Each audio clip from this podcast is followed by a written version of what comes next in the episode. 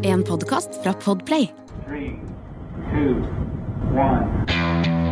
When liftoff. One, two, three, four, five, five, four, three, two, one. Enter bed. Okay, we checked all four systems, and there you go on modulation, all four, and keying with a go. Quality base here. The Eagle has landed. Da eh, skal vi begynne denne utgaven av Romkapsel, Eirik. Eh, hei igjen. Hei igjen. Du, eh, la meg bare få lov til å si det nå som vi har fått pusta ut en liten stund, at jeg må si at jeg syns eh, at eh, Nima og det Next Step Space holder på med, er så gøy. Ja, det er kjempegøy. Jeg, klar, det, det, jeg syns det er så morsomt. Vi er ganske privilegerte på en måte som podkast. Ja. For at vi, vi, vi følger nå live et prosjekt, og det, det hadde jeg egentlig aldri trodd da vi begynte podkastet. Så tenkte jeg ja, vi skal sikkert høre noe, altså vi skal følge med på hva amerikanerne og russerne og europeerne gjør. Ja. Men her følger vi jo live et norsk prosjekt. Ja. Og vi har vært med litt fra starten, takket være Nima, som har hengt seg på. Så jeg syns dette er kjempegøy. Og, og igjen eh, Eh, det, er, det gjør oss til en litt sånn I det norske podkastmangfoldet så er vi litt unike, og det ser gøy. Jeg syns det er kjempegøy. Mm. Det er veldig, veldig gøy, og det Takk, eh, Nima, altså, Ja. for, for det. Men eh, da la oss komme til the proceedings of the day, for å si det sånn. La oss begynne da, det er ikke så ofte vi gjør det, med å lese et håndskrevet brev. Jeg syns det var så hyggelig. Jeg fikk helt sånn er- flashback det er til det veldig- gode gamle dager. Også på en sånn Altså, hadde papiret vært bitte litt tynnere, så hadde det vært en sånn norgesblokk, vet du, som eh, Husker du den? Ja. Som eh, lå ved siden av telefonen på utegangen. Stemmer de der, ja? Ja, ja da, så gamle er vi. Eh, ok. Kjære romkapsel. Jeg var på handel på Europris her om dagen, og etter miljøskade fra podkasten dykkar, måtte jeg bare kjøpe med ei tipakning med Mars da jeg så deg i hylla. Eh, nytast aller helst i romjula, dessverre, men eh, eh, kan òg etast eh, før den tid, hvis det vært for lenge å vente. Helsing ivrig lytter ehm, eh, Hva er det? Ei, Eirik eller eh, Au eh, eh, Vi er litt usikre. Jeg er litt usikre på fant, jeg fant ikke noe avsender på konvolutten, men uansett, til deg som begynner på E, tusen, tusen takk. Og slutter på K eller E eller D Ja. eller eh, Endride, Eirik, eh, eh, eh, Litt usikker. Men, men, uansett, Ja. til deg Tusen hjertelig takk for Mars-sjokoladen. Eh, Det er to stykker. Jeg kan spise begge i og med at det er melk i den, og du ikke driver med sånt. Jeg driver ikke med sånt. Nei. Uh, og, ja, nei, så det, det var jo veldig, veldig veldig hyggelig. Ja. Og, og, og fortsett gjerne å sende hilsener også på papir. Uh, og så er det jo morsomt at man blir miljøskadd. Litt sånn malapropos, da, men, men jeg husker jeg vokste opp med den sjokoladen, for jeg har jo engelsk familie. Ja, det er artig at du sier du husker at du vokste opp med den sjokoladen, for det gjorde ikke jeg. Nei. Du vokste opp med en som lignet veldig. Den ligner veldig både i eh, logoform og innhold, Ja. og da het den noe annet. Den gjorde det. Jeg, finnes, altså, i- nå er det jo mye Mars i norske butikker, men det, er det og Japp? Fins Japp fremdeles? Nemlig fins Japp fremdeles. Eh, kjør debatt. Eh, det Eller er det altså- bare Mars det har blitt til Mars, eller den har bare tatt over? Ja, den har blitt tatt over. Altså, det var jo originalen. Det er, altså, det, det er litt som med KitKat og, og Kvikk Lunsj. Ja, altså, bare at det er jo ikke det Der er forskjellen større. Den smaker annerledes. Nå skal jeg smake uh, og, og finne ut om det faktisk Dette her er da ja. vaskeekte Europris Mars, sendt fra nynorskland, og nå skal den live-testes Mhm. i vår, og holder den mål? Ja, dette er jo Japp, er Japp. men Mars. Men altså, det er jo interessant, da, for at jeg husker at da jeg vokste opp, så syns jeg det var en favorittsjokolade, på, også på grunn av navnet. Mm. Um, og så tenkte jeg det må jo ha noe med universet å gjøre. Mm. Og så viste det seg at Det var blant annet fordi det fantes en annen sjokolade som het Milky Way. Ja, de, ja den Ikke vel. Ja. Og så viste det seg at jo, altså Mars er jo en sjokoladeprodusent, men det er familienavnet. Mm. Så han som Dette er altså faktisk en mann som het Mars. Han var sønn av en amerikansk milliardær ved samme eh, etternavn, selvfølgelig, som da visstnok produserte sjokoladen Milky Way i USA, og så ville sønnen da begynne å produsere den i England, og så ble den enormt populær. Mm. Så det er da det det er liksom utgangspunktet for den. Så okay. mm, Men ehm, da har vi på en måte unnagjort dagens kulinariske lille krumspring her.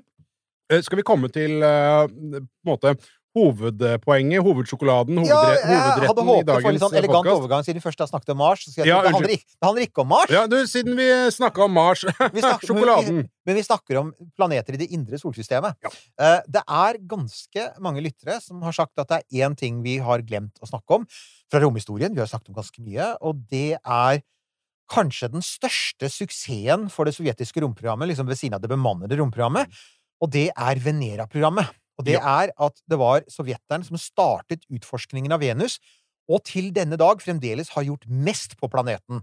Vi har etter hvert fått mer data, men som vi har vært inne på tidligere, i den sendinga hvor vi snakket om at vi skulle dra til Venus, og du begynte å synge Final Countdown og alt det der, Ja, det lar seg jo Det er ikke til å unngå. det er ikke til å unngå. Nei. Så øh, fremdeles er det sånn at man faktisk benytter seg av sovjetiske data fra 60- og 70-tallet, og det er Ja. fordi at sovjeterne hadde dette programmet. Uh, og det er litt interessant, da, fordi at de var jo Altså, vi veit jo at mens sovjeterne var ganske flinke til å sende opp mennesker og hunder og sånn i lav jordbane, så, så sleit de jo når de skulle sende ting lenger av gårde. Ja. De prøvde å sende sonder til Mars, det var mislykka. De tapte månekappløpet, det veit vi de gjorde. Jo, men de, de, de har jo fått til ting også. De var jo Eller de var på et tidspunkt eh, alene om å få til ting. Det var de. Så det er jo ikke helt på bærtur. Nei, nei. Det, altså, en interessant ting her er at en ting sovjeterne aldri gjorde, og det har vel heller aldri russerne gjort, det er å sende ting til det ytre solsystemet. Mm. Mars, Jupiter eh, eh, Unnskyld, Jupiter, Saturn, Uranus, Neptun. Det har stort sett vært Altså, det er litt ESA, og veldig mye USA. Mm. Um, men Venus, som sagt, det bestemte de seg for. Og det morsomme med det er at de var veldig sånn all in. Det var sånn, De ga seg ikke på tørre møkka. Nei, og så er det jo noe veldig sånn, tenker jeg, noe veldig russisk eh, med den eh, tankegangen og den fremgangsmåten der, eh, som jeg tenker bare «Nei, Hvis vi bare er harde nok, så går det! Ja, for det, det er helt sant. For, for Venus er en hardcore Det er dritt der. Det er det. Vi vet jo det, og man visste for så vidt det da man begynte å planlegge dette her. Eh, faktisk så ble det aller første forsøket på å sende en romsonde fra Sovjetunionen til Venus, det skjedde før Gagarin. Det skjedde altså i februar 1961, og han ble Det skutt opp i april. Ja. Eh, nådde ikke opp i jordbane, eh, men amerikansk etterretning fant ut at dette måtte ha vært en Venus-sonde. Sovjeterne hadde da det Altså, når, når det skjer en rudd i for eksempel i Buca Chica, så ser alle det, fordi det er kameraer overalt. I Sovjetunionen så kunne man skjule sine rudder, litt som kineserne også liker å gjøre. Så det de gjorde, var at eh, den het ikke Venera, som da er navnet på denne serien med sonder. Eh, Venera betyr Venus. Den ble da bare kalt for noe sånt som Tyasheli Sputnik, eller stor satellitt. Og det var også en grunn til at man visste at det ikke var til jordbane, fordi at de var ganske heftige, disse at de veide ganske mange tonn. Eh, Og det var ganske mange russiske forsøk på å nå Venus som antagelig fikk samme skjebne, så eh, det er jo Det er altså var det 16 Det endte vel opp med 16 sonder som offisielt dro av gårde til Venus, som ikke er noe lite program. Det er 16! 16 stykker! Oi! Ikke sant? Så det, Ja, det da gir du deg ikke på tørre møkka. du gjør ikke det, og i tillegg så kommer altså de som, de, som feila, og som de holdt skjult fordi det ville reflektere dårlig på, på sovjetisk vitenskap. Og den boka 'Vi skjulte våre rudder', Ja. den, er, den må noen gi ut. Den kan handle om mange ting. Så Venera 1, da, den ble skutt opp seinere samme år. Den kom seg opp i bane. Den kom seg også underveis til Venus, og det skulle da være en sånn flyby-mission, og de skulle da fly forbi Venus, gjøre målinger og sende dataene tilbake til jorda. Problemet var at radiokommunikasjonen sviktet underveis, så den suste forbi Venus, men det var i dyp taushet. Og den er fremdeles der ute. Den Ja. går jo da i en Ja. solbane, altså den følger jo da en, en sin egen bane rundt sola i det indre solsystemet. Så kanskje noen på et eller annet tidspunkt finner en gammel sovjetisk sonde og tar den med tilbake til et museum på jorda. Og den har blitt til et intergalaktisk mon... Nei, ikke intergalaktisk. Den har blitt til et monster med en egen samvittighet Eller egen eh, bevissthet og så videre. Ja, Og det er grunnlaget for en eh, film som kan være ganske og den lurer på hvordan det har gått med partipresidiets siste femårsplan. Men um, Venera 2, de fulgte opp, da. Uh, så gikk det et par år. Venera 2 ble skutt opp. Den fikk også svikt i radio.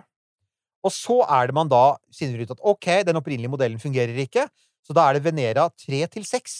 Det var da forbedra utgaver. Og forskjellen her var at nå eh, begynte man for første gang å ha en sonde som besto av to deler. Den ene delen skulle da fly forbi Venus og, og, og gjøre målinger. Den andre skulle inn i atmosfæren og gjøre målinger. Og da skulle den altså droppes ned i Venus-atmosfæren. Og det er ambisiøst. Og det er, det er liksom lett å si i, i, I dag så er dette helt rutine, men vi snakker altså 1965-66.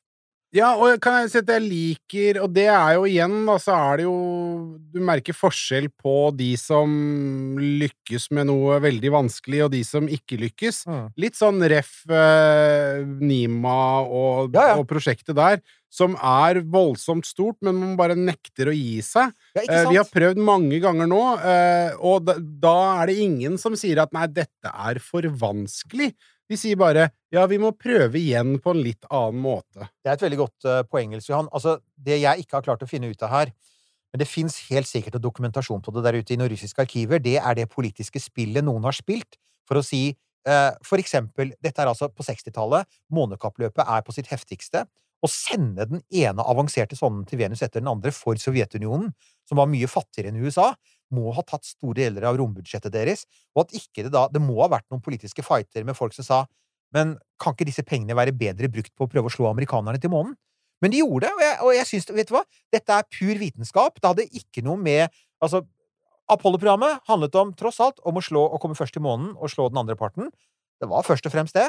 Dette er faktisk good old pure science, og det skal sovjeterne ha. De valgte å prioritere det på et tidspunkt hvor de antagelig, hvis de skulle ha klart å slå amerikanerne, burde ha valgt å bygge den der svære raketten sin. Det syns jeg er kult. Eh, ja, Ja, men jeg liker det. ja, så det, er, det du sier, er at uh, Venus-valget om Venera til Venus eh, er grunnen til at Sovjet tapte månekappløpet. Nei, jeg sier ikke det, men jeg bare sier at det var et land med Altså, jeg har lest og Altså, det er en eh, En amerikansk romhistoriker, Asif Sadiki, er det vel han heter, han har skrevet om dette, og det han sier, er at sovjeterne opererte med et rombudsjett som var ca. 20-25 av amerikanernes.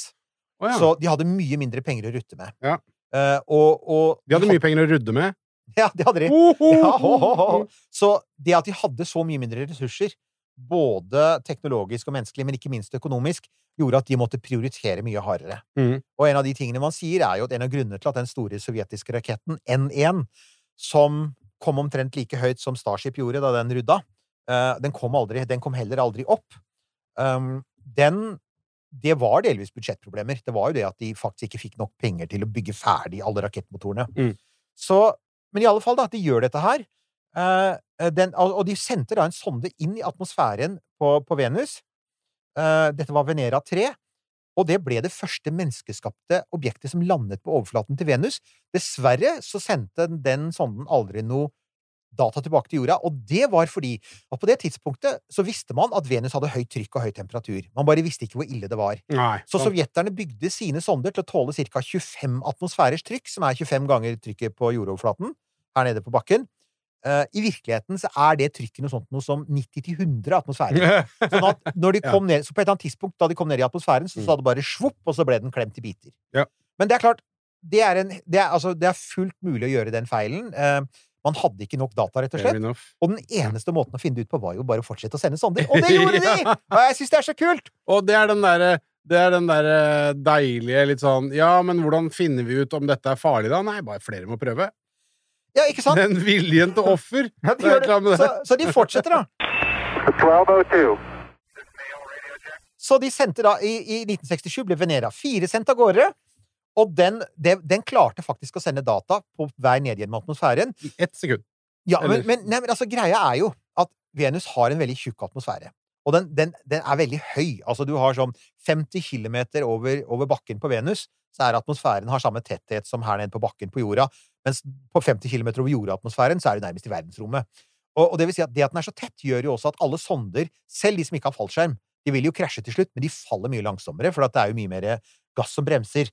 Så Venera 4 fikk litt tid på seg, og den klarte da å måle at, som vi visste, atmosfæren består av CO2. Og så håpet man nok en gang at den skulle nå atmosfæren intakt, men den hørte da til den modellen som bare tålte 25 atmosfærers trykk, så den ble også knust. Ah, Men så er det da sovjeterne begynner å, å, å lære av sine feil. Så Ja, Venera 5 og 6 hadde fått fallskjerm på seg. Og det er fremdeles den samme konstruksjonen. Oh, ja. Og, og det er en sånn ting du ser med sovjetisk eh, eh, romfart, er at de driver ikke og gjør massevis av Altså, med amerikanske romsonder til planetene så har du ofte stor variasjon fra litt avhengig av hvilken forskningsinstitusjon du har. Sovjeterne har sånne lange programmer hvor de har en basismodell. Sånn ja, det er bare sonde! Ja, ikke sant? Men det er ganske fornuftig på en måte. Hvis du har begrensa ressurser, så har du en sånn derre Ja, du veit at denne kommer opp i rommet, og du veit at den kommer seg til Venus, og så bare modder du den litt, og så hekter du på noe nytt. Så det er Ja, sånn gjennomgangstema Ja, og sånn for modulær tenkning er jo for så vidt uh, standardisere mest mulig, er jo makes sense, det. er, det er ikke dumt, det, altså. Så det de gjør, er at de tar den samme modellen, men de modder den og setter på fallskjerm. Og det gjør jo da at sondene daler mye langsommere ned. Og, og faktisk så klarer disse sondene å sende over 50 minutter med data før batteriene svikter. Så langsomt daler de nedover. Og det igjen så er det data om atmosfærens tetthet, temperatur Det er da man begynner å oppdage sånne ting som for eksempel at uh, altså, det er masse syre i atmosfæren, så man skjønner etter hvert at det er syreregn på overflaten. Og, og at det er masse turbulens i atmosfæren. Man mistenker at det er tordenvær der. Eh, og på et punkt så kommer du ned under skylaget. Altså, du kan jo ikke se overflaten til Venus fra jorda, for det er alltid hvite skyer. Men det man ikke visste, og som sovjeterne oppdaget, er at når du kommer under et visst nivå, noen sånn mil over bakken, så slutter plutselig skyene å være eh, ugjennomsiktige, og så er det gjennomsiktig ned til bakken. Mm. Så da, da er det faktisk klarvær. Så det er klarvær under skyene. Det er alltid klarvær over sånn, over, Nei, Ja, det er over. Mm, Ja. I can see clearly Og så, ja. ja. Mm. Og så er det da i 1970 at vi får Venera 7, som er den første som er bygd for myklanding på overflaten. Mm. Nå veit man hvor høyt trykket er, man veit hvor varmt det er, og, og det man da, den eneste måten å løse på altså Som du sier, Venus er bygd for sånn klassisk russisk Altså, den er bygd som en T- Sisu! den er bygd som en T34, ikke sant? Altså, det er tjukke stålvegger. Eh, det det, altså, veggene er så tjukke at um, Veggene er så tjukke at det er lite plass til instrumenter. Og dette er jo også versjon 1, sånn at dette er en ganske, det er en sånn ganske liten kapsel. Så det man stapper inn, er da eh, temperaturmåler, trykkmåler Man har også en sånn lysmåler. Man har ikke noe kamera foreløpig. Um, og, og så er det jo Du har det unike problemet på Venus. uh, og det er jo at temperaturen er så høy. Altså, når du lander et sted hvor det er 450 grader, så er temperaturen i utgangspunktet så høy at liksom all normal elektronikk, for eksempel Mm. jordisk elektronikk, vil svikte på Venus. Altså, vi, vi kan ikke lage elektronikk, eller for den saks skyld annen teknologi, som tåler å være i 450 grader særlig lenge. Så med andre ord, så snart varmen fra Venus begynner å trenge inn i sonden, så er den død. Mm. Og den eneste oppgaven til en sonde på Venus er å holde seg eh, Å holde så mye av varmen ute så, mul så lenge som mulig. Eh, eh, for å kunne sende signaler så lenge Ja, vi har jo vært innom det her før. Vi har vært, eh, så vidt vi har nevnt Venera tidligere, og, og der er det det er et så totalt ekstremt miljø med at alt kjemper mot alt, på en måte. Altså, som du sier, det er høyt trykk, det er høy varme, det er syreregn. Alt er bare dritt. Mm. Så alt man sender dit, vil jo være Det er jo en suicide mission, det er bare et spørsmål om tid, ikke sant? Og eh, teknologi eh, liker jo gjerne ikke veldig høy varme. Eh, det er ikke så glad i kjempehøyt trykk heller, for den sakens skyld. Eh, så, så det vil bare være et spørsmål om tid. Og da Det må være panser. Det må være panser, rett og slett fordi at trykket er så voldsomt høyt. Og så hjalp det. De var jo heldige, da, fordi at den hadde jo fallskjerm for å kunne myklande. Og du trenger ikke noe retrorakett sånn som de gjør på Mars eller på jorda. For atmosfæren er, Ja, den er så så tjukk også. Er så, atmosfæren er så tett at du trenger egentlig bare Men en hva gjør det med altså at så tett atmosfære, hva gjør det med å sende signaler og sånn? eh, Det går stort sett greit. ok, ja. Det går greit, så radiosignalet går igjennom. Ja. Uh, men det er for så vidt et godt poeng. Men problemet med Men dette var jo da første gang de hadde forsøkt å lande på overflaten med fallskjerm. Så nok en gang, de måtte jo prøve og feile. Og her, det de undervurderte her, var hvor varmt det var nær overflaten. Mm. Og antagelig hvor mye syre det er nær, nær overflaten. Så eh, fallskjermmaterialet begynte faktisk å smelte og gå i oppløsning.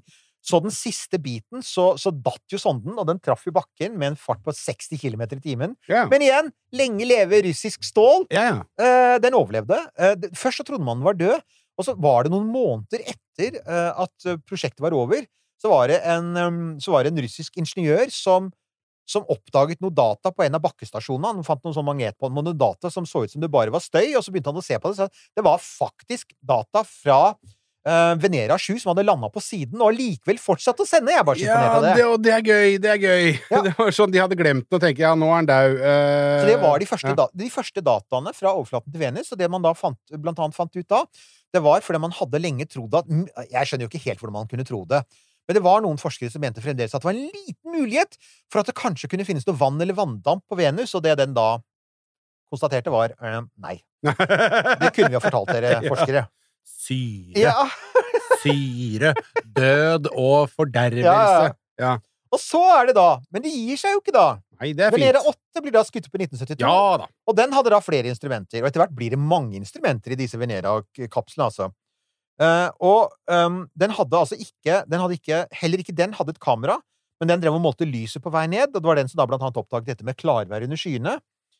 Um, og det den også oppdaget, var hvor sterkt lyset er på Venus, altså på bakken, da. Mm. Og det de fant ut, var på tross av de tykke skyene og det er, altså, Venus er mye nærmere sola, så sollyset er nesten dobbelt så sterkt som på jorda. Men de tykke skyene de gjør at lyset på overflaten er sånn cirka som en overskyet dag her på jorda. Okay. Det er som de sa, det er som en, det er som en overskyet vinterdag i Moskva. Jeg tenkte det håper jeg ikke, for det en gang, jeg har vært i Moskva en gang, og jeg var der på vinteren, og det er noe av det mest deprimerende sett. Det er ikke rart russerne drikker vodka. altså. Så, og så har du da Venera, men så har du da um, Så er det da Nå, nå upper de gamet. Venera 9, 10 og 11. Nå er vi utover på 70-tallet. Og nå er det en kraftig oppgradering. Vekta Altså, sonden er fem tonn tung. To svære biter. Eh, du har en, sondebit som går i bane. Den flyr ikke lenger forbi. Den går i bane, og den er også sånn eh, radiorelé, sånn radiolink tilbake til jorda, sånn som vi gjør på Mars nå. Mm. At du sender svake signaler fra bakken, og så sender den signalene tilbake til jorda. Og landingsfartøyet er jo fremdeles kuleformet. for mind you, dette er 70-tallet. Det er 70-tallet. Det er utrolig imponerende. Det er det, altså! Og dette er sovjetisk 70-tallsteknologi. Med andre ord, de er ca. fem til ti år bak amerikanerne på det tidspunktet. Amerikanerne er i full gang med å bygge romferje med avanserte keramiske materialer. Men de gjør nå dette. eh, Og det er da du også får den litt sånn snodige konstruksjonen som du kan se på bilder av Venera fra 70-tallet. De, altså, de veit at de kommer til å lande hardt, så de har laget en sånn smultringformet støtdemper som den sitter på, denne her kula. Og så har du også en sånn slags merkelig Det ser ut som en sånn, eh, sånn eh, flaggstang som stikker opp på oversida, og det er faktisk for å sørge for at kula holder seg opprett og lander. Ja. Eh, men det er klart, altså, de veit jo ikke hvor de kommer til å lande, så de kan jo lande på en stein og vippe over. Uh, og her, for første gang, så har man instrumenter for å bore seg ned i overflaten og hente opp prøver og måle stråling, og man har med to kameraer som sitter bak tjukke kvartslinser. Mm. Og igjen så er akkurat det samme som med alt mulig annet. Disse linsene er bygd for å tåle en time eller to. Man veit at disse kvartslinsene på et eller annet tidspunkt vil bryte sammen under trykk og temperaturen og, og, og syre og alt sammen. Så, så de tok jo da bilder eh, med kamera, men de hadde et innmari irriterende designproblem på denne serien med Vene- Veneraer, og det var at linsehetta hadde en tendens til å henge seg opp, så du sender den hele veien til Venus, og så popper ikke linsehetta av. Sånn, «Ah!» Så de tok, eh, Venera 9 og 10 tok et bilde hver. De skulle egentlig tatt et 360 graders panorama, men de fikk et 180, for bare på den ene siden funka. Men til gjengjeld, da, så selv om ikke du fikk tatt så mye bilder, så fikk du altså da faktisk eh, masse data. Så nå lever disse sondene i sånn halvannen time, som er superimponerende. Igjen, det er det motsatte på Mars. Mars samarbeider med sonder. Det er ganske lett å holde sonder i live på Mars. De kan leve der i årevis. Har vi jo erfart. Ja. Og så er det da man begynner å studere disse bildene. Og det du da ser på bildene, er eh, Du ser at det er ganske dunkelt. Du ser at eh, Mars er dekket av stein. Venus. Eh, Venus, unnskyld. Venus er dekket av steiner, eh, og du ser også at steinene på selve steinene kan du se, de er ganske kantete. Så det ser, det ser litt ut som en sånn der norsk steinrøys på fjellet, med sånn der sånn blanding av små og store steiner, og litt noe som er på kampesteinstørrelse, men også en del sånn kantete stein. Det er interessant fordi at med tanke på at Venus har vært utsatt for høy temperatur og syreregn og vind og tykk atmosfære i milliarder av år, så tenker man seg liksom at da burde Og man har sett for seg at det skulle være sånn slepende, sånn som har ligget i vann. Nemlig, ikke sant? sant? At det skulle være mer erosjon på steinene. Ja. Det at det ikke er det, har, fikk da en, noen sovjetiske forskere til å tenke kan det ha vært mer geologisk aktivitet på Venus? Altså har, sant, har Venus faktisk hatt aktive vulkaner nærmere vår tid enn Ja. man opprinnelig tenkte seg? Ja. Uh, og det uh, er jo litt morsomt, for det er ikke så lenge siden at uh, man har gjort målinger på Venus som tyder på at det er tilfellet. Altså, vi vet at Venus har hatt vulkanisme før, og du kan se det eh, Du kan faktisk se det på de eh, eh, Altså på de det er blant annet så har det vært laget noen sånne radarkart av Venus, og da kan du se landskap som, som viser at helt tydelig det har vært vulkanutbrudd og store lavastrømmer. Men sovjeterne, via bildene sine, er da de første som på en måte gir oss det hintet. Så, så de fortsetter men de gir seg jo ikke med det, da. Nei, øh, å å nei, nei, nei, for det er flere Det er enda flere Ja, ja, ja. De kjører på. De, har, de har da liksom valgt ut Venus som sin planet, da, for det er der de tydeligvis føler seg mest hjemme. Det er sånn Sibir, bare motsatt. Det er litt morsomt du sier det, for det var litt arbeidsfordeling på den tiden. Amerikanerne sendte jo på det tidspunktet en serie med vellykkede sonder til Mars. Du hadde Mariner-sondene som kartla Mars, og så hadde du Viking-sondene, som vi har snakket om. Eh, mens, mens, så de, så de, det var vel mer eller mindre sånn OK, russerne skal få lov til De skal få lov til å ta, eh, ta for seg Mars. Eh, og, og, og nå vi begynner vi å liksom nærme oss 80-tallet her. Og de sender fremdeles og er, Nå er vi oppe på Venera 13 og 14. Og de var basert på, på disse tidligere modellene. Men nå hadde de da eh, enda flere instrumenter. De hadde bor, de hadde seismometer, så de kunne altså måle eventuelle jordskjelv på Venus. Og, og de hadde også instrumenter som lette etter lynnedslag. Eh, og den, det var jo da altså Venera 13 overlevde i to timer. Mm. Så når du tenker på igjen, altså de var jo designa Det var ikke jeg klar over. De, de var designa for å leve i en halvtime. Det var det man hadde håpet Oi. på. Og den hadde med seg en mikrofon, så det fins faktisk det lyd av vinden på Venus. Oi. Altså, man lurte på Man vet jo Evil wind of Venus. Ja, det er det som er greia. Altså, høyt oppe i atmosfæren så er det orkanstyrke. Ja. Langt nede, der er det flau vind. Det er 0,5 meter per sekund. Mm. 0,5 sekundmeter. Um, disse bildene de tok av Venus' overflate, var forresten det var første gang man tok bilder av Venus i farger. Oi. Og da ser Ja. man jo at ja, det er dunkelt lys, man ser også et slags gulaktig skjær. Og det er ikke så veldig mange år siden at det var en amerikansk eh, sånn bildebehandlingsfyr som fikk tak i originalene til Venera-bildene, og skjønte at sovjeterne hadde brukt en litt sånn dårlig kompresjonsalgoritme, eller sånn dårlig utpakkingsalgoritme, når de henta ut altså Ja, de får være unnskyldt, da. Det De får være unnskyldt. Det var 70-tallet. Ja. Så han, han rett og slett Han bildebehandlet dem igjen, og fant jo enda mer data. Så igjen, da, du, får, du ser det samme. eh, du får bekrefta at Venus ser ut til å ha hatt litt geologisk aktivitet seinere enn det man trodde. 1202. Vi har jo vært innom det her før også, men av alle planetene i solsystemet, så må jo Venus være den verste. Ja. Venus er den som på alle måter er på Hva skal jeg si? Altså, det er vel den som for, antagelig for alltid vil være sånn mest vitenskapelig interessant. Altså, selv Merkur kunne potensielt kanskje utnyttes til noe. Det finnes en metallrik planet, for eksempel. Og utover i solsystemet så er det jo mulig å lete etter liv, og det er mulig å til og med, kanskje til og med å lande folk der ute. Vi veit det er mulig på Mars. Men ehm, vel, kanskje ikke, ifølge Nima og, og Nils i forrige sending. Ja, ja, jo, jo, jo, jo, men det er altså Av alle det er vanskelig, så er det altså, så er Mars den Det er minst la det er la seg gjørbart. Men, men altså, men Venus er jo eh, vi har, Jeg har sagt mange ganger at Mars også er et sted som egentlig ikke er hypp på å ha besøk.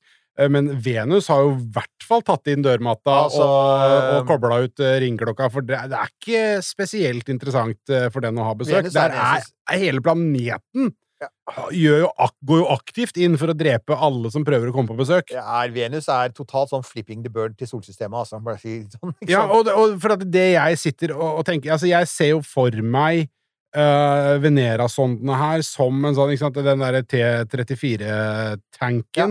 Ja. Uh, det, det er noe sånn, noe sånn massiv støpejernsgreier med lita lomme i midten hvor det er plass til Ja. noe utstyr. Mer eller mindre det. eh, som, som er sendt opp dit, skal lande vel vitende om at den snart kommer til å dø. Og så begynner jeg å tenke, ok, hva er det vi har av Og øh, jeg har jo ikke oversikt, så dette er jo et åpent spørsmål. Hva har vi av teknologi i dag som kan forbedre på dette? Altså, det vi, Ja. det vi klarer å gjøre, da, er jo for eksempel Vi har jo sendt Vi kan jo sende ubåter langt ned, ikke sant, som opplever mye trykk. Ja. Men det er liksom Det er snakk om ganske mange ganger atmosfærisk trykk eh, på Venus, i tillegg Mm. til den enorme temperaturen, i tillegg til litt sånn syreregn.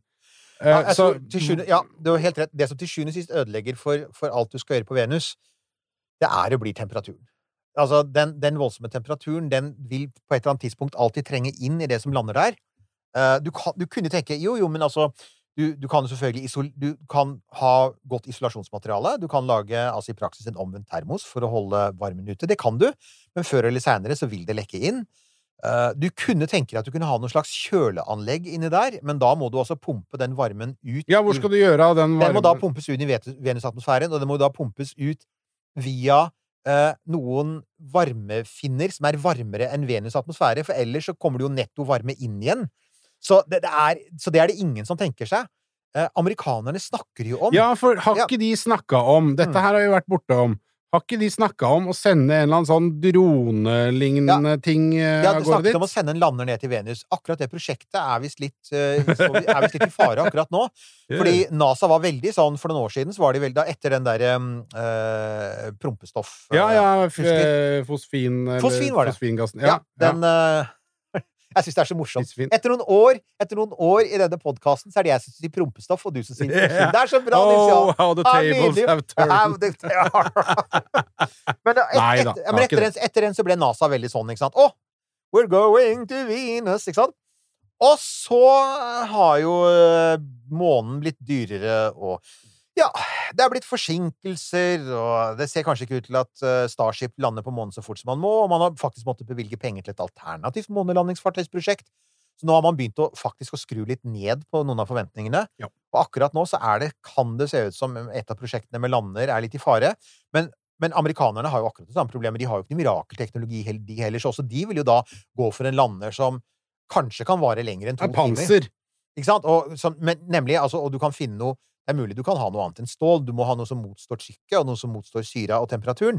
Det fins mange materialer som kan gjøre det, men, men uansett så vil jo termodynamikken vil jo vinne til slutt. Um, jeg tror vi, vi snakket vel i en, en, en episode for lenge siden om at det fins sånne litt crazy det er sånn, Amerikanske universiteter har til sånne crazy ideer, og en av dem er eh, Det er vel en gruppe som har sett på muligheten for å konstruere en rover som kan kjøre på Venus, som i praksis er nærmest en slags mekanisk datamaskin. Med sånn, Ja, det var vi det? innom, ja. Ja, Og det er for at de innså det, at du kan ikke ha eh, Du kan ikke ha ideer- fin, eh, du der, kan ikke det, du kan ikke ha kretskort, du kan ikke alle de tingene vi bare tar for gitt at du kan sende av gårde en romsonde, for det vil smelte. Eh, jeg syns jo det morsomme med den øvelsen, selv om ikke den er realistisk, er at du tvinges til å starte fra scratch. Ja. Og designere har veldig godt av det, for at, altså, vi ser så ofte når folk skal liksom si at ja, dette er nyskap, så tenker jeg men det er jo ikke egentlig det, for at det du har tatt, er en eksisterende teknologi, så har du modda den. Men skulle man lage en rover på Venus, så måtte man virkelig starte helt fra scratch. Det var gøy å se. Det var liksom, De hadde ingenting å bygge på, for alt som fantes, som hadde vært gjort i rommet tidligere, og som hadde vært gjort på jorda tidligere, var helt ubrukelig. Sånn, fra, fra hjula til, sant, sånn, til drivmotoren. Mm. Så, men, eh, men det er nå fremtiden. Men poenget er i hvert fall så kommer det punktet, da. Når sovjeterne finner ut at eh, ok, nå har vi landa nok på Venus, vi har Mm. lært det vi kan av disse kulene på overflaten, Ja. så nå skal vi kline til med å gjøre det som ingen andre har gjort før, og det er å kartlegge overflaten på Venus i detalj med radar. Ja. For du må jo bruke radar, du kan ikke bruke noe optisk. Um, så det de da gjør, er at uh, Venera 15 og 16 er basert på igjen samme modulen som uh, de tidligere, men istedenfor å ha en landingsmodul, så, så kobler man på radarantenner. Og da er det det som heter det som kalles for, sånn, det kalles for SAR, eller Synthetic Aperture Radar, syntetisk aperturradar, og det er en type radar som bruker bevegelsen til romskipet til å simulere en mye større radarantenne, mye høyere oppløsning. Så du får ganske god oppløsning fra et romskip som går i bane rundt eksempel Venus. Og på den måten så klarte de å kartlegge ganske store deler av den nordlige halvkulen, og fant da blant annet et sånn høylandsområde hvor det har vært mye vulkanisme, som heter Ishtar. Ishtar Terra, som det heter. Det, ble, det, det fant jo da de med aperturradaren sin. Uh, så det, det var en sånn kul ting som faktisk, igjen, sovjeterne gjorde. Så, de, så det var jo ikke sånn at de liksom bare sa å ja, nå bare sender vi den ene kula etter den andre. Sånn, nei, nå har vi lært nok. Nå kommer vi ikke videre med den strategien. Nå velger vi noe annet. Og så, da, det siste Slutten på For da er vi på Venera 15 og 16. Og hvis du tenker på de som ble skutt opp, som ikke liksom ble regna med av sovjeterne Vi er sikkert langt oppe på 20-tallet allerede. Og jeg, jeg tenker på det er ikke noe annen kampanje mot en planet som har vært tilsvarende. Amerikanerne har hatt eh, Nå har de hatt fire rovere på Mars, ikke sant? Jo, jo. Og så har de hatt noen sonder før det. Så hvis du, hvis du legger sammen alle, så begynner det å nærme seg det. Ja, og når du da Men altså Men, eh, Når du velger deg en planet som eh, er så lite interessert i besøk, så må du banke på døra en god del ganger Ja. for å få lov til å komme innafor. men jeg er enig med dem som sier at liksom, av, av alt som ikke involverte mennesker i rommet, Ja. så er dette utvilsomt det mest imponerende sovjeterne gjorde. Og, Ja, det og, og det, har stått sin, det har stått sin prøve. Altså, det har tålt tidens tann. Det er ingen som sier i dag at det der var et tåpelig prosjekt. Alle er enige om at det var utrolig imponerende. Ja, jo, for det som slår meg da, er jo det at eh, det russerne på en måte har utmerka seg på, er jo eh, raketter og romskip med folk, eh, og sonder til andre planeter, og, og det har ikke de vært så veldig gode på, men dette fikk de til. Ja, og, og det er en kreativitet der som er litt kul. Fordi den siste tingen de gjør De har én siste Altså, de vet jo ikke at det er siste, for de vet ikke at Sovjetunionen er på hell. Vi er nå midt på 80-tallet, og sovjeterne dytter den ene døende lederen ut i Ut på, på mausoleet til Lenin for å holde 1. mai-tale, og neste år så bæres han inn i Bæres han inn i kiste. Men um, det var et prosjekt som het Vega. Og Vega var en sammenslåing av Venus og Halley, uh, Halley uh, Halleys komet. Aha. Den som passerte jorda i 1986. Vet du om du husker den? Det var mye styr Jeg omkring husker uh, Halleys komet uh, veldig godt, ja. Det var en veldig berømt komet, og folk Det var den snakket første himmellegeme jeg tror jeg visste navnet på. Ikke sant? Alle snakket om den i, i, i 1986, og det var fordi at Halleys komet var um, er jo en sånn som eh, en periodisk komet. Den kommer tilbake hvert 76. år, så den kom, hadde da vært sett i 1910. Og grunnen til at man var så opptatt av den, var jo nummer én i 1910 var den veldig lett å se. Man, den var ikke så fin i 1986. Jeg så den jo, men den var ikke så fin. Men først og fremst så var den Det var liksom den første kometen vi visste gikk i, i bane rundt jorda, og den var 2062, eller Ja, noe? det er, ikke sant? Det er det det blir. tilbake? Ja. Nemlig. Og, og i dag så er det nok ganske mange som ikke har hørt om den, for at nå er det så lenge til neste gang. Mm. Og så blir det sikkert masse styr rundt den i, i 2062. Don't look up! Ja. Men eh, man, eh, altså, i, I 1910 så kunne man bare se den med teleskoper. I 1984, på begynnelsen av 1980-tallet så innså man jo at det var mulig å sende romsonder dit. Og her er jo det Til Halleys komet? til Halleys komet. Her er det fascinerende. Du tenker 'Å ja, så da var vel NASA på ballen'? Ikke egentlig. Nei. Hvem var som var på ballen? Det var ESA, våre venner. Ja De sendte en vel! romsonde som het Giotto, oppkalt etter en maler som malte Halleys komet i middelalderen. Eh, og den tok faktisk ganske fine bilder av Halley. De første bildene som ble tatt av en komet noensinne, ble tatt av Giotto. Men sovjeterne ville også være med på løpet, og de fant ut at det fantes en bane som gjorde det mulig å, å få en kombo.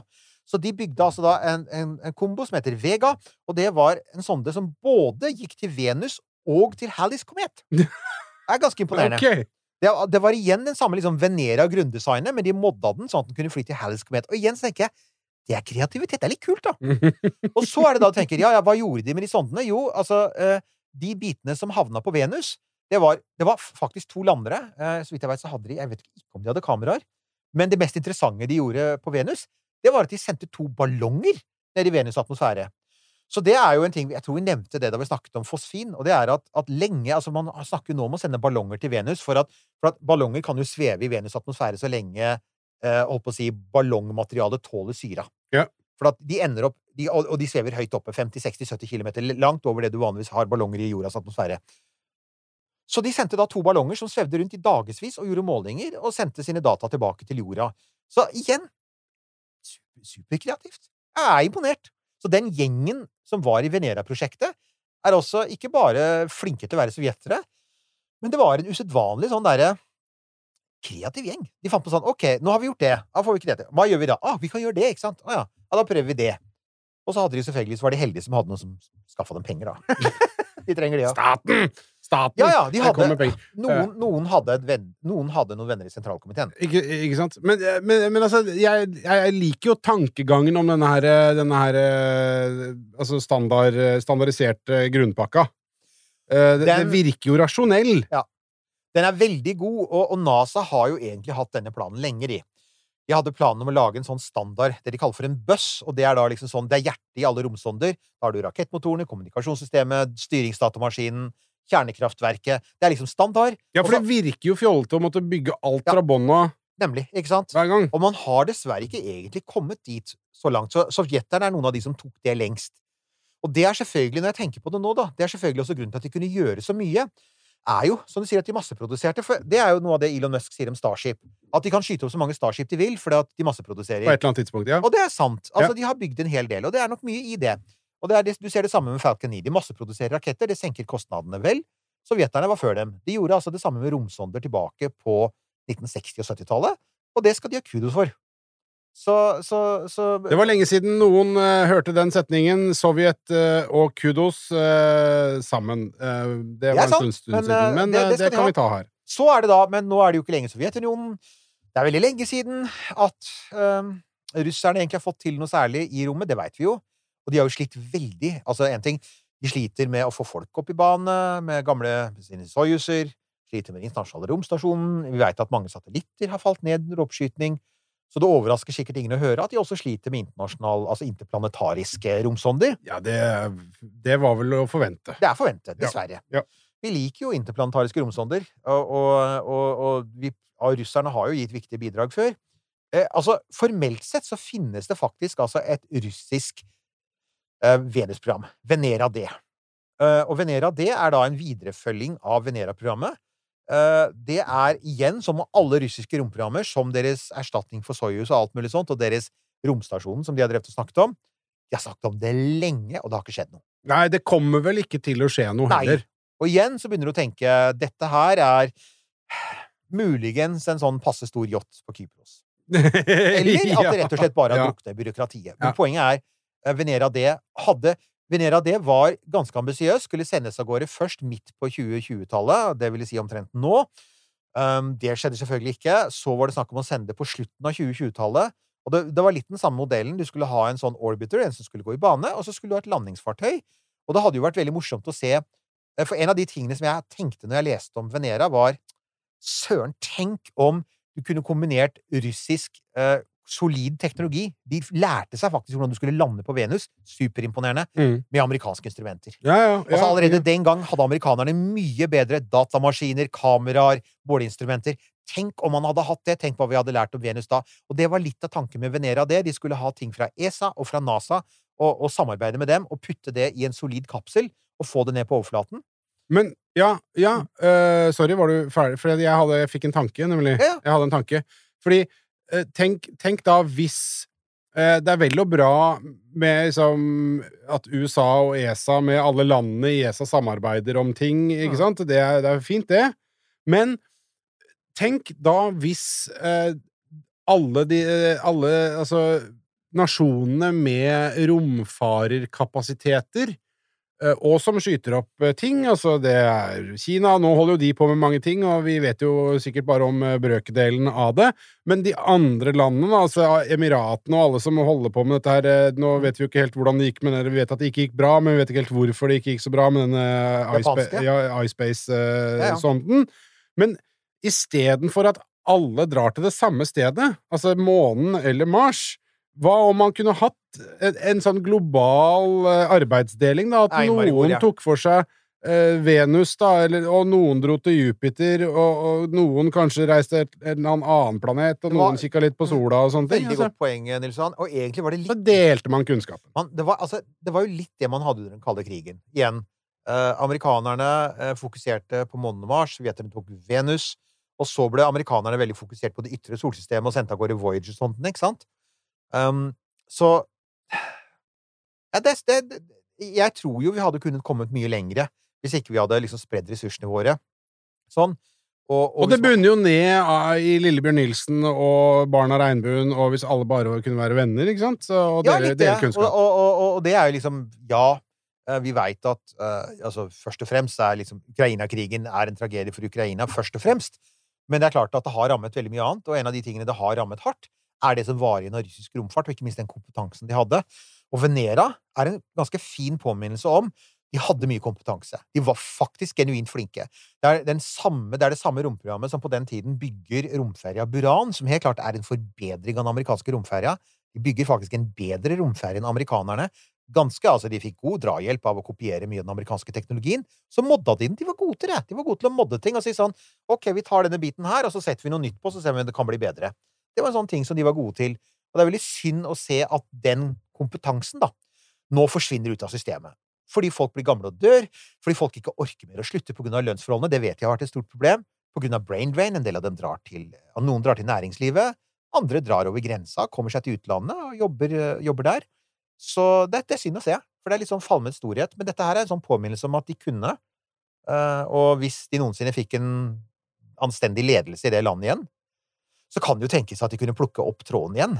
For eh, de har jo ja, de har jo tradisjonene. Det var en fin sted å slutte der. De hadde tradisjonene. Ja. Men vi håper at den, den oppvoksende og yngre generasjonen kan eh, komme til fornuften en gang i framtida. Håpe og tro på det. Ok, kjør nostalgidebatt eh, videre på Facebook-sidene våre. Romkapsel eh, heter vi der. Og legge inn andre spørsmål eh, eller kommentarer og betraktninger det du måtte ønske. hør på podkasten, fortell vennene dine om denne podkasten, det vil vi veldig gjerne, og alt som kan ha tomler og stjerner og alt mulig sånne ting. Topp stemning. Romkapsel.no. Der kan du kjøpe T-skjorter, kopper, handlenett osv. Og så vil jeg jo bare benytte anledningen da til eh, å si eh, tusen takk igjen til alle som, som gjør det, alle som hører på, og alle som kjøper merchandise, og eh, spesielt også til alle som frivillig donerer slanter til oss på Vips, Romkapselen ut og Halvorsen. Eh, tusen takk! Du har hørt en podkast fra Podplay. En enklere måte å høre podkast på. Last ned appen Podplay, eller se podplay.no.